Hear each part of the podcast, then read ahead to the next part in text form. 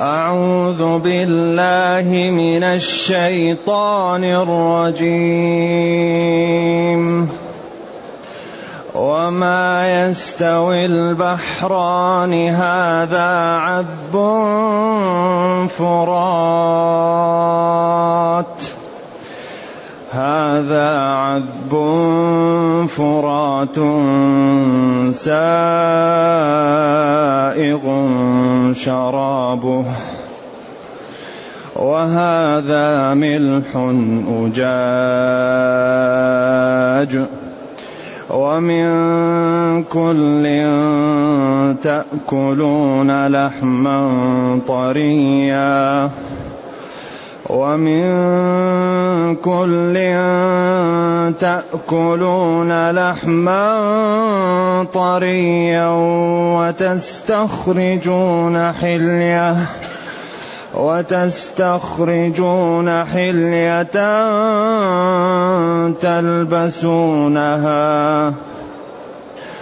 وترى الفلك فيه مواخر لتبتغوا من فضله لتبتغوا من فضله ولعلكم تشكرون.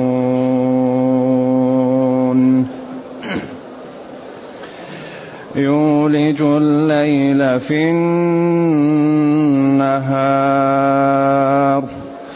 ويولج النهار في الليل وسخر الشمس والقمر وسخر الشمس والقمر كل يجري لأجل مسمى. ذلكم الله ربكم له الملك. ذلكم الله ربكم له الملك والذين تدعون من دونه ما يملكون من قطمير إن تدعوهم لا يسمعوا دعاءكم إن تدعوهم لا يسمعوا دعاءكم ولو سمعوا ما استجابوا لكم ولو سمعوا ما استجابوا لكم ويوم القيامة يكفرون بشرككم ولا ينبئك مثل خبير. يا أيها الناس أنتم الفقراء. يا أيها الناس أنتم الفقراء إلى الله. والله هو الغني. والله هو الغني الحميد. إن يشأ يذهبكم ويأت بخلق جديد. وما ذلك على الله بعزيز. ولا تزر وازرة وزر أخرى. وإن تدع مثقلة إلى حملها لا يحمل منه شيء. لا يحمل منه شيء ولو كان ذا قربى. إنما تنذر الذين يخشون ربهم بالغيب. إنما تنذر الذين يخشون ربهم بالغيب وأقاموا الصلاة. ومن تزكى فإن فإنما يتزكى لنفسه. ومن تزكى فإنما يتزكى لنفسه وإلى الله المصير. وإلى الله المصير. الحمد لله الذي أنزل إلينا أشمل كتاب وأرسل إلينا أفضل الرسل وجعلنا خير أمة أخرجت للناس فله الحمد وله الشكر على هذه النعم العظيمة والآلاء الجسيمة والصلاة والسلام على خير خلق الله وعلى آله وأصحابه ومن اهتدى بهداه. أما بعد فإن الله تعالى يبين في هذه الآيات نعمه وقدرته. المستلزمة لطاعته والابتعاد عن نواهيه. وما يستوي البحران. ما نافية. يستوي يتساويان. البحران تثنية. هذا عذب فرات سائغ شراب. بحران. هذا أي المشار إليه عذب حلو فرات ما فيه ملوحة ولا فيه كدر سهل شرابه. إذا أراد الإنسان أن يشرب يعني يبلعه بدون تعب لما فيه من جمال الماء وحسنه. ما فيه ملوحة ولا فيه مكدر. وهذا والثاني ملح مر أجاد ملح الملح الذي طبيعة الملح والذي تضع فيه الملح تقول مالح. لكن هذا ملح من طبعه. وجاج مر شديد الملوحة. وهما يكونان في مصب واحد. والله جعل بينهما حاجز. وجعل بينهما برزخا. يعني من قدرة الله. إذا من هذه قدرته يطاع فلا يعصى يشكر فلا يكفر يذكر فلا ينسى. إذا لا يستوي البحران البحر الماء الكثير الفرات بحر والنيل بحر دجلة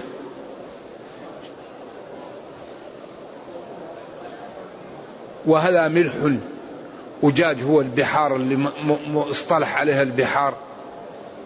سواء كانت محيطات أو بحار.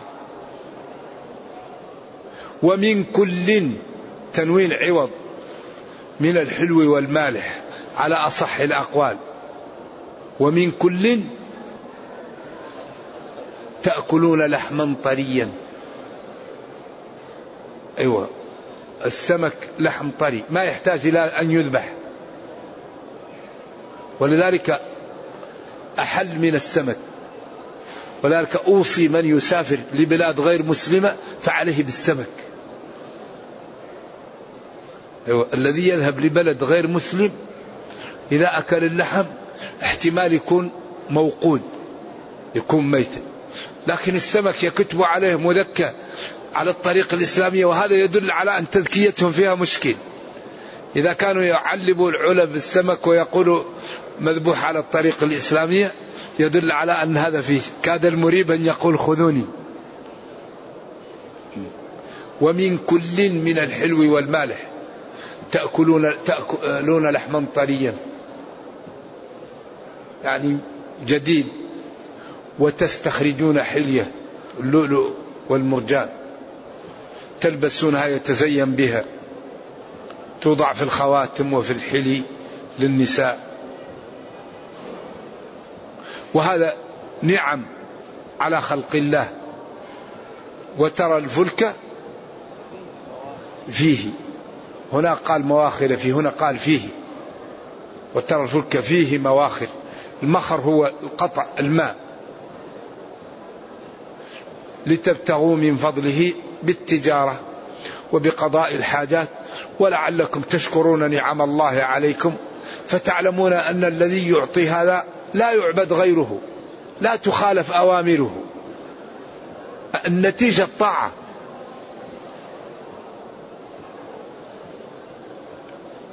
ثم بين النعم التي كثير منا لا ينتبه لها. يولج الليل في النهار ويولج النهار في الليل. يعني يدخل ساعات من النهار في الليل في الشتاء. ويدخل ساعات من الليل في النهار في الصيف. يدخلها وهذا فيه من المنافع ما لا يعلمه إلا الله. لذلك جعل الليل والنهار خلفة لمن أراد أن يذكر. بعض الناس عملوا في الليل يعوض في النهار. بعض الناس عملوا في النهار يعوض في الليل. بعض الناس يكسل في النهار وينشط في الليل يعوض في الليل. بعض النهار يك... الناس يكسل في الليل ينشط في النهار. لذلك من أكبر النعم تبدل الليل والنهار. لأنه إذا كان النهار ألف ساعة كيف الناس تأمل من النهار؟ وإذا كان الليل ألف ساعة كيف الناس تمل؟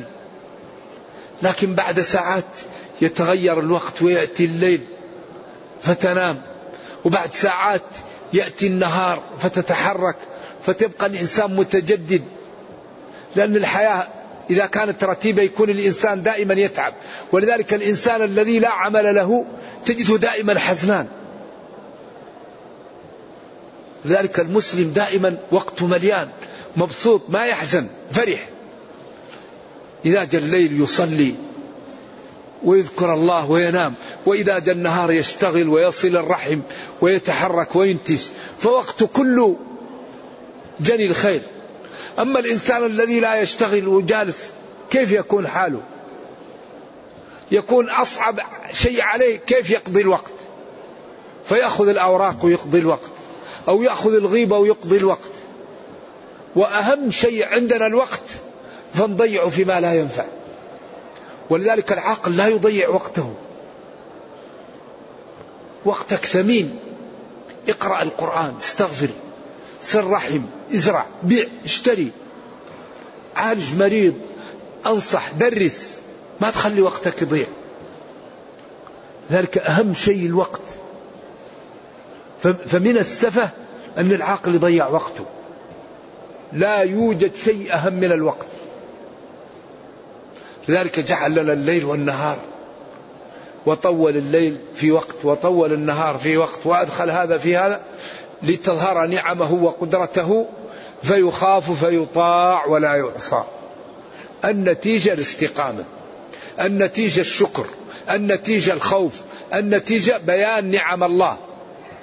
ولذلك إذا عرف العبد نعم الله عليه شكره وخاف. الآن لو أحد أكرمك ألست إن رأيته تريد أن تسدي له المعروف؟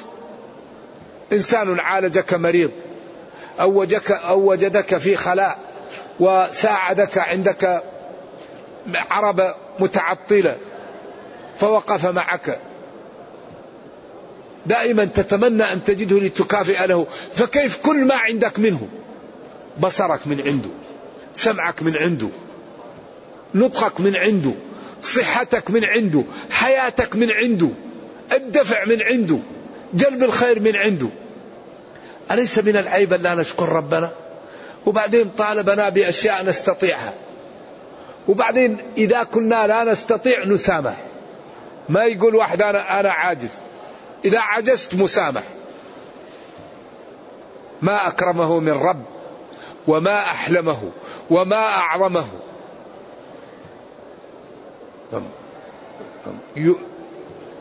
يولج الليل في النهار ويولج النهار في الليل وهيأ لكم الشمس والقمر.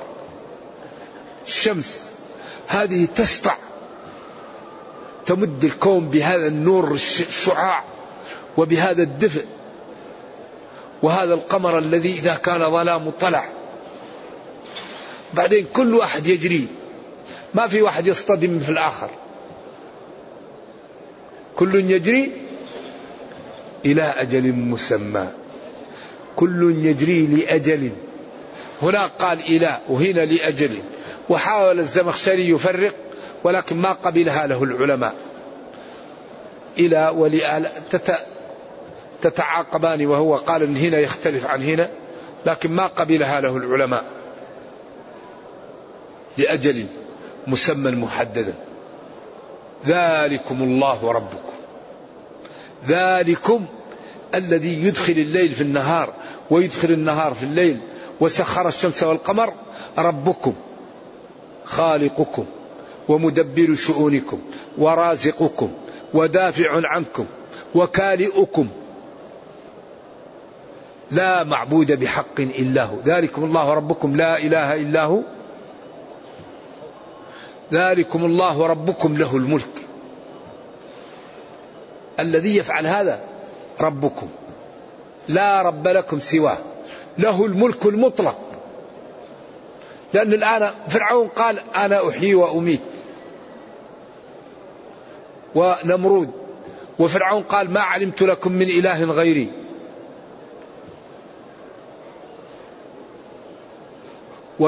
وقاقارين قال أنا بحثت بسفينتي ما وجدت ربكم الذي تبحثون عنه. لكن احترقت به سفينته وسيعلم أن فيه رب. لكن من يستطيع أن يأتي يقول اليوم لا يأتي النهار لازم نترك الليل يومين. من يستطيع؟ من يستطيع يزيد؟ يقول لهم اليوم سأزيد لكم النهار ساعة. إذا ما ما يقدر إلا الله. ولذلك من يريد أن يقول عنده قوة يغير شيء في الكون. يقول ساعة اليوم الظهر سأمسك الشمس تقف ساعة. تعالوا شوفوا قدرتي. ما يقدر أحد.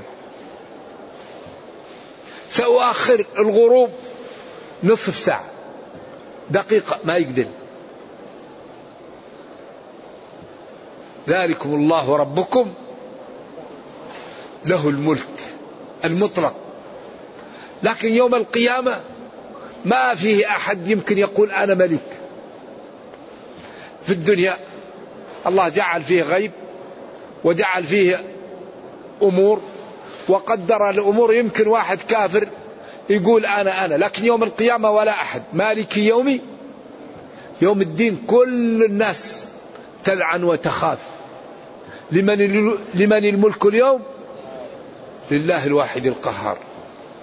ذلكم الله ربكم الرب هو السيد والمالك والمدبر والخالق. يربيكم يغذيكم يدفع عنكم. له الملك المطلق الكامل. أما ملك أهل الدنيا ملك حقير زائل الله يعطيه إياهم. من تملك من أهل الدنيا فملكه زائل وناقص وحقير ولا ملك يمكن أن يجعله يستغني لحظة عن الله. ولذلك لما قال أحد العباسيين لأحد العلماء عظني.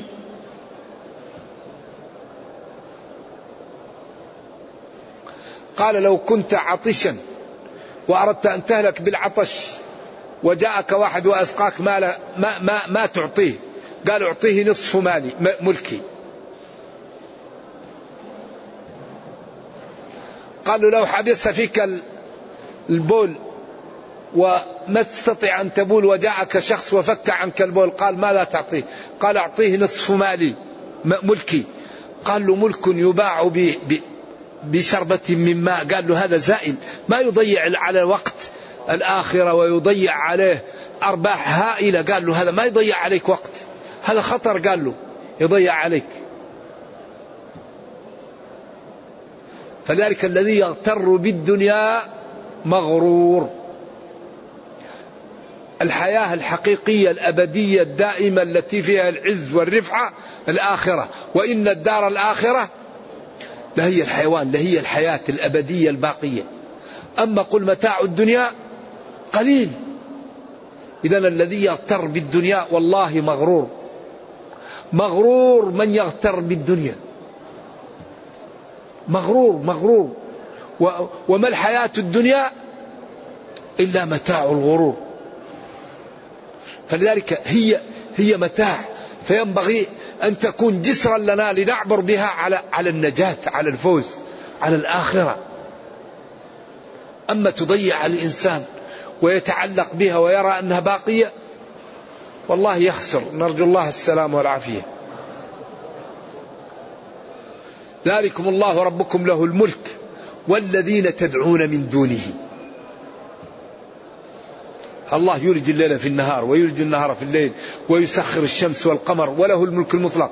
والذين تدعون من دونه من الأصنام والأوثان والأنداد والشفعاء والأولياء ما يملكون من قطمير. القطمير القشرة البيضاء التي تكون على النواة. كيف الإنسان يسأل غير الله؟ وغير الله عاجز. وغير الله لا يملك. وغير الله يحتاج. لذا نحن في حاجة ماسة إلى برامج جادة لإنقاذ البشرية. المسلمون من عنده علم من عنده عقل من عنده مال من عنده سلطة. لا بد أن يتعاون هؤلاء ويعملوا برامج جادة لإنقاذ البشرية من الكفر والضلال. أمانة في أعناق أهل الخير والفضل أن يتعاونوا لإنقاذ العالم من الضلال ومن الكفر. لأن هذا الدين دين فيه السعادة فيه الرفعة فيه الخير فيه الأنس فيه الوحدة فيه الاطمئنان. فيه حقوق الإنسان وحقوق الحيوان وحقوق وفيه كل حق فيه أمن فيه عدالة فيه رخاء فيه سمو فيه كل خير. فحري بنا أن نبلغ هذا الدين للعالم وأن لا نترك شرائح أخطأت أن تشوه ديننا وتجعله لا يقبل في العالم. من الخطأ أن نسكت عمن يريد أن يشوه الدين. بأقوال كاذبة أو أفعال خاطئة لا بد أن يكون بين العقلاء تعاون على إنقاذ البشرية وعلى فهم العالم للإسلام العالم لو فهم لو فهم الإسلام فهما صحيحا لا لدخلوا في دين الله افواجا. لأنه يأتي بالعز، يأتي بالرفعة، يأتي بالطمأنينة، يقوي الاقتصاد، يأتي بالصحة، يأتي بالألفة. كل شيء يأتي به الدين.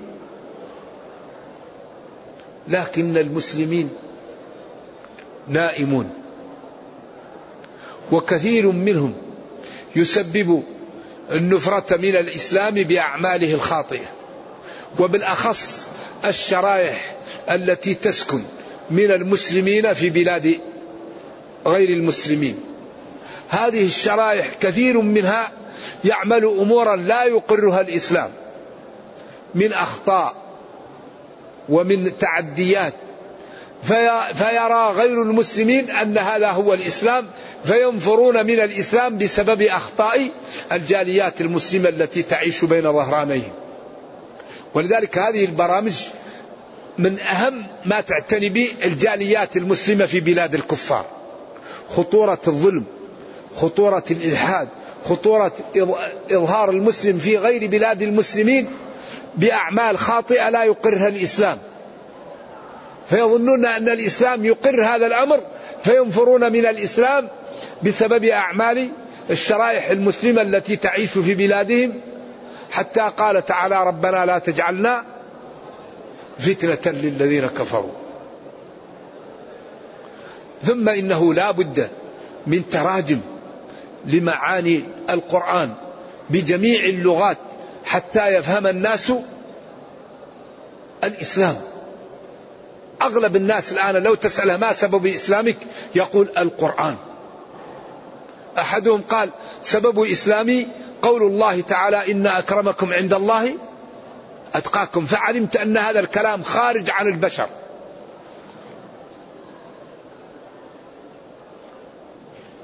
اذا يقول تعالى والذين تدعون من دونه ما يملكون من قطمير. إذا لا يجوز أن يدعى غير الله وهو لا يملك شيئا. إن تدعوهم هؤلاء الأصنام وهذه المعبودات لا لا يسمعوا دعاءكم. ولو فرضنا جدلا أنهم سمعوكم لا ينفعوكم.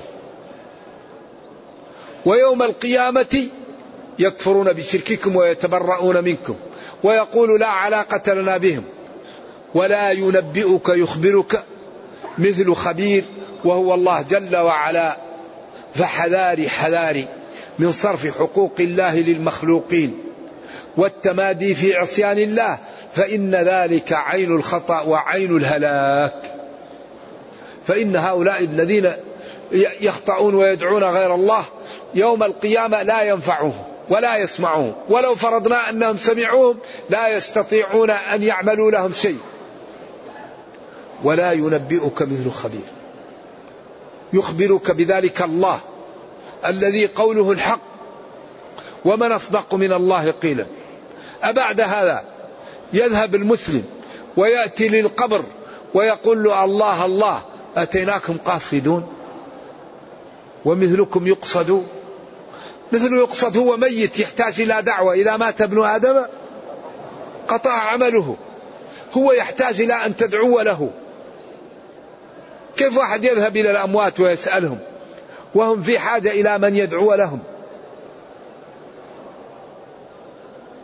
والأولياء حقيقة هم الذين آمنوا واتقوا الله. ألا إن أولياء الله لا خوف عليهم ولا هم يحزنون؟ الذين آمنوا وكانوا يتقون. هذا هو الولي. أما الولي واحد يكون لا يصلي ويقال له ولي. كيف واحد لا يصلي يكون ولي؟ واحد يظلم الناس يقال له ولي.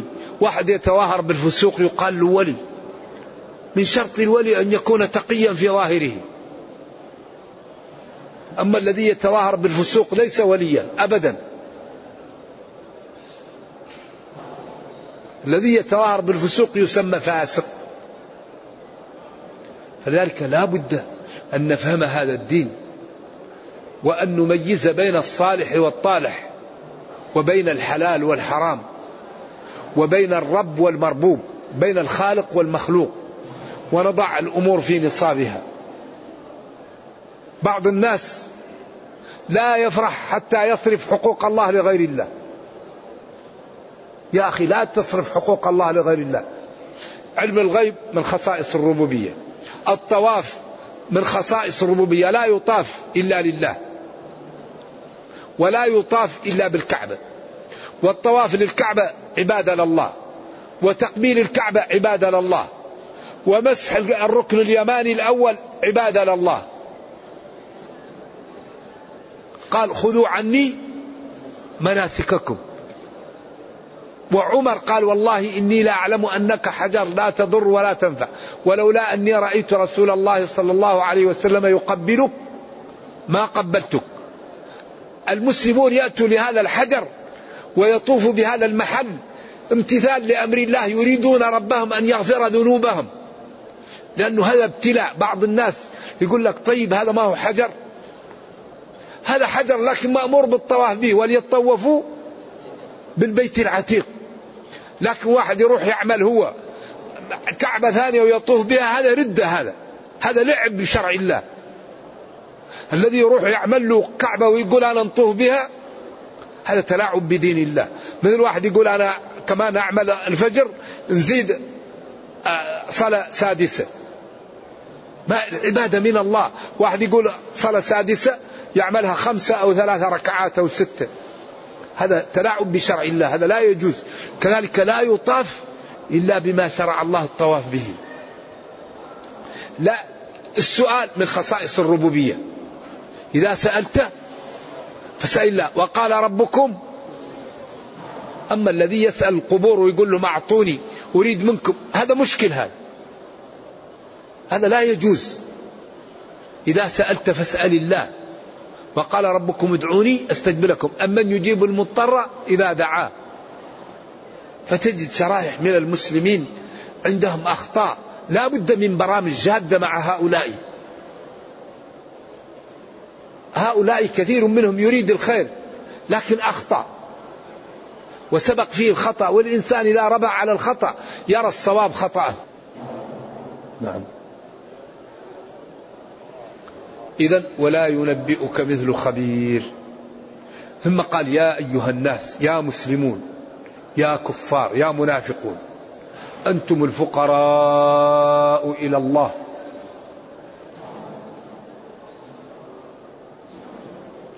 بصر سمع لسان جسم نبات أولاد مال صحة عافية. كل هذا من يعطيه الله. كل العالم محتاج إلى الله. كل مخلوق يحتاج إلى الله. أنتم الفقراء إلى الله. والله هو الغني الغنى المطلق الحميد بصفاته. العلم والقدرة والإرادة والسمع والبصر المحمود من أوليائه. إن يشاء يذهبكم. كما قال وإن تتولوا يستبدل قوما غيركم ثم لا يكونوا أمثالكم ويأتي بخلق جديد. وما ذلك على الله بعزيز بصعب سهل عليه. هنا خاف الناس وكل واحد خاف. لما سمعوا هذا فطمأن فطمأن الطيبين طمأن عباده الصالحين. فقال جل وعلا ولا تزر وازرة وزر أخرى. هو كريم وقادر ولكن الذي يعمل الطيب الله يعطيه الطيب والذي يعبد ربه الله يشكر له ويبارك له في عمره وماله وولده ولا يضيع أجر من أحسن عملا. نعم. لما خافوا قال إيش؟ ولا تزر وازرة وزر أخرى. ولذلك عائشة ما فهمت حديث إن الميت لا يعذب ببكاء أهله. قالت الحديث هذا ما فهموا. قال العلماء هنا يكون أوصاهم ويكون علم أنهم يبكون ولم ولم ينهاهم فيكون ذلك من فعله. نعم. ولا تزر وازرة وزر أخرى. كل امرئ بما كسب رهين لا يعذب أحد بجريرة أحد. أبدا. وإن تدعو مثقلة نفس مثقلة بالذنوب وإن تدعو مثقلة إلى حملها. لا يحمل منه شيء. وأرادت أن يساعدها أخوها أو أبوها أو قريبها لا يحمل منه شيء ولو كان ذا قربى. أخ أو أب. إذا لا بد من التزود من الآن. ما فيه تزود بعدين. لا يحمل منه شيء ولو كان ذا قربى. بل أخوف ما يخاف الإنسان يوم القيامة إذا رأى من يعرفه. يخاف. يوم يفر المرء من أخيه وأمه وصاحبته وفصيلته التي تؤويه. يفر المرء من أخيه وأمه وأبيه وصاحبته وبنيه وفصيلته التي تؤويه كل من تعرف إذا رأيت يوم القيامة تخاف إلا إذا كان الإنسان طبعا علم الأمان وكان من من من؟ ممن لهم السابقة؟ فيأتوه الملائكة ويطمئنوه فلا يخاف.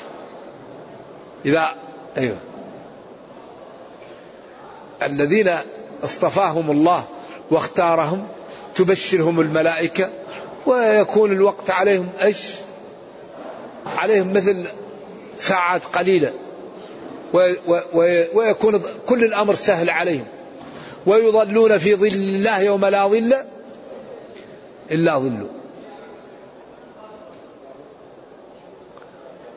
لا يحمل منه شيء ولو كان ذا ولو كان الطالب ذا قرابة.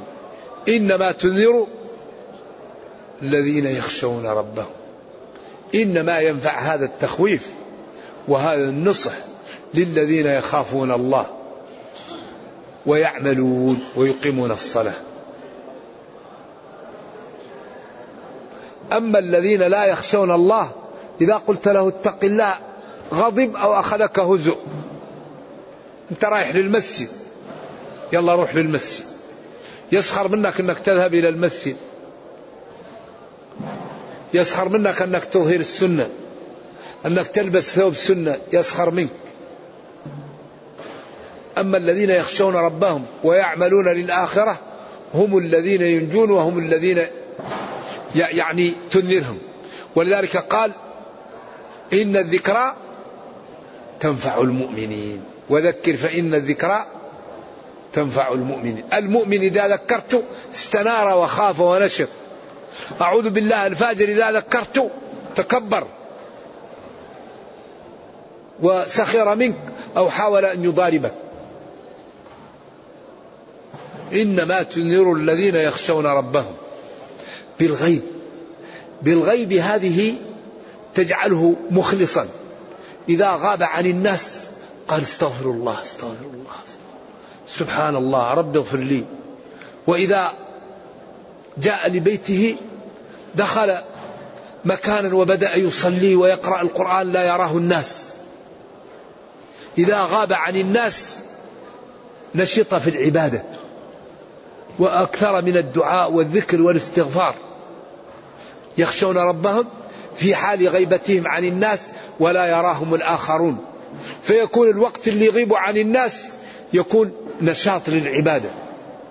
أما الذي في نفاق إلى أجل الناس استغفر الله استغفر الله.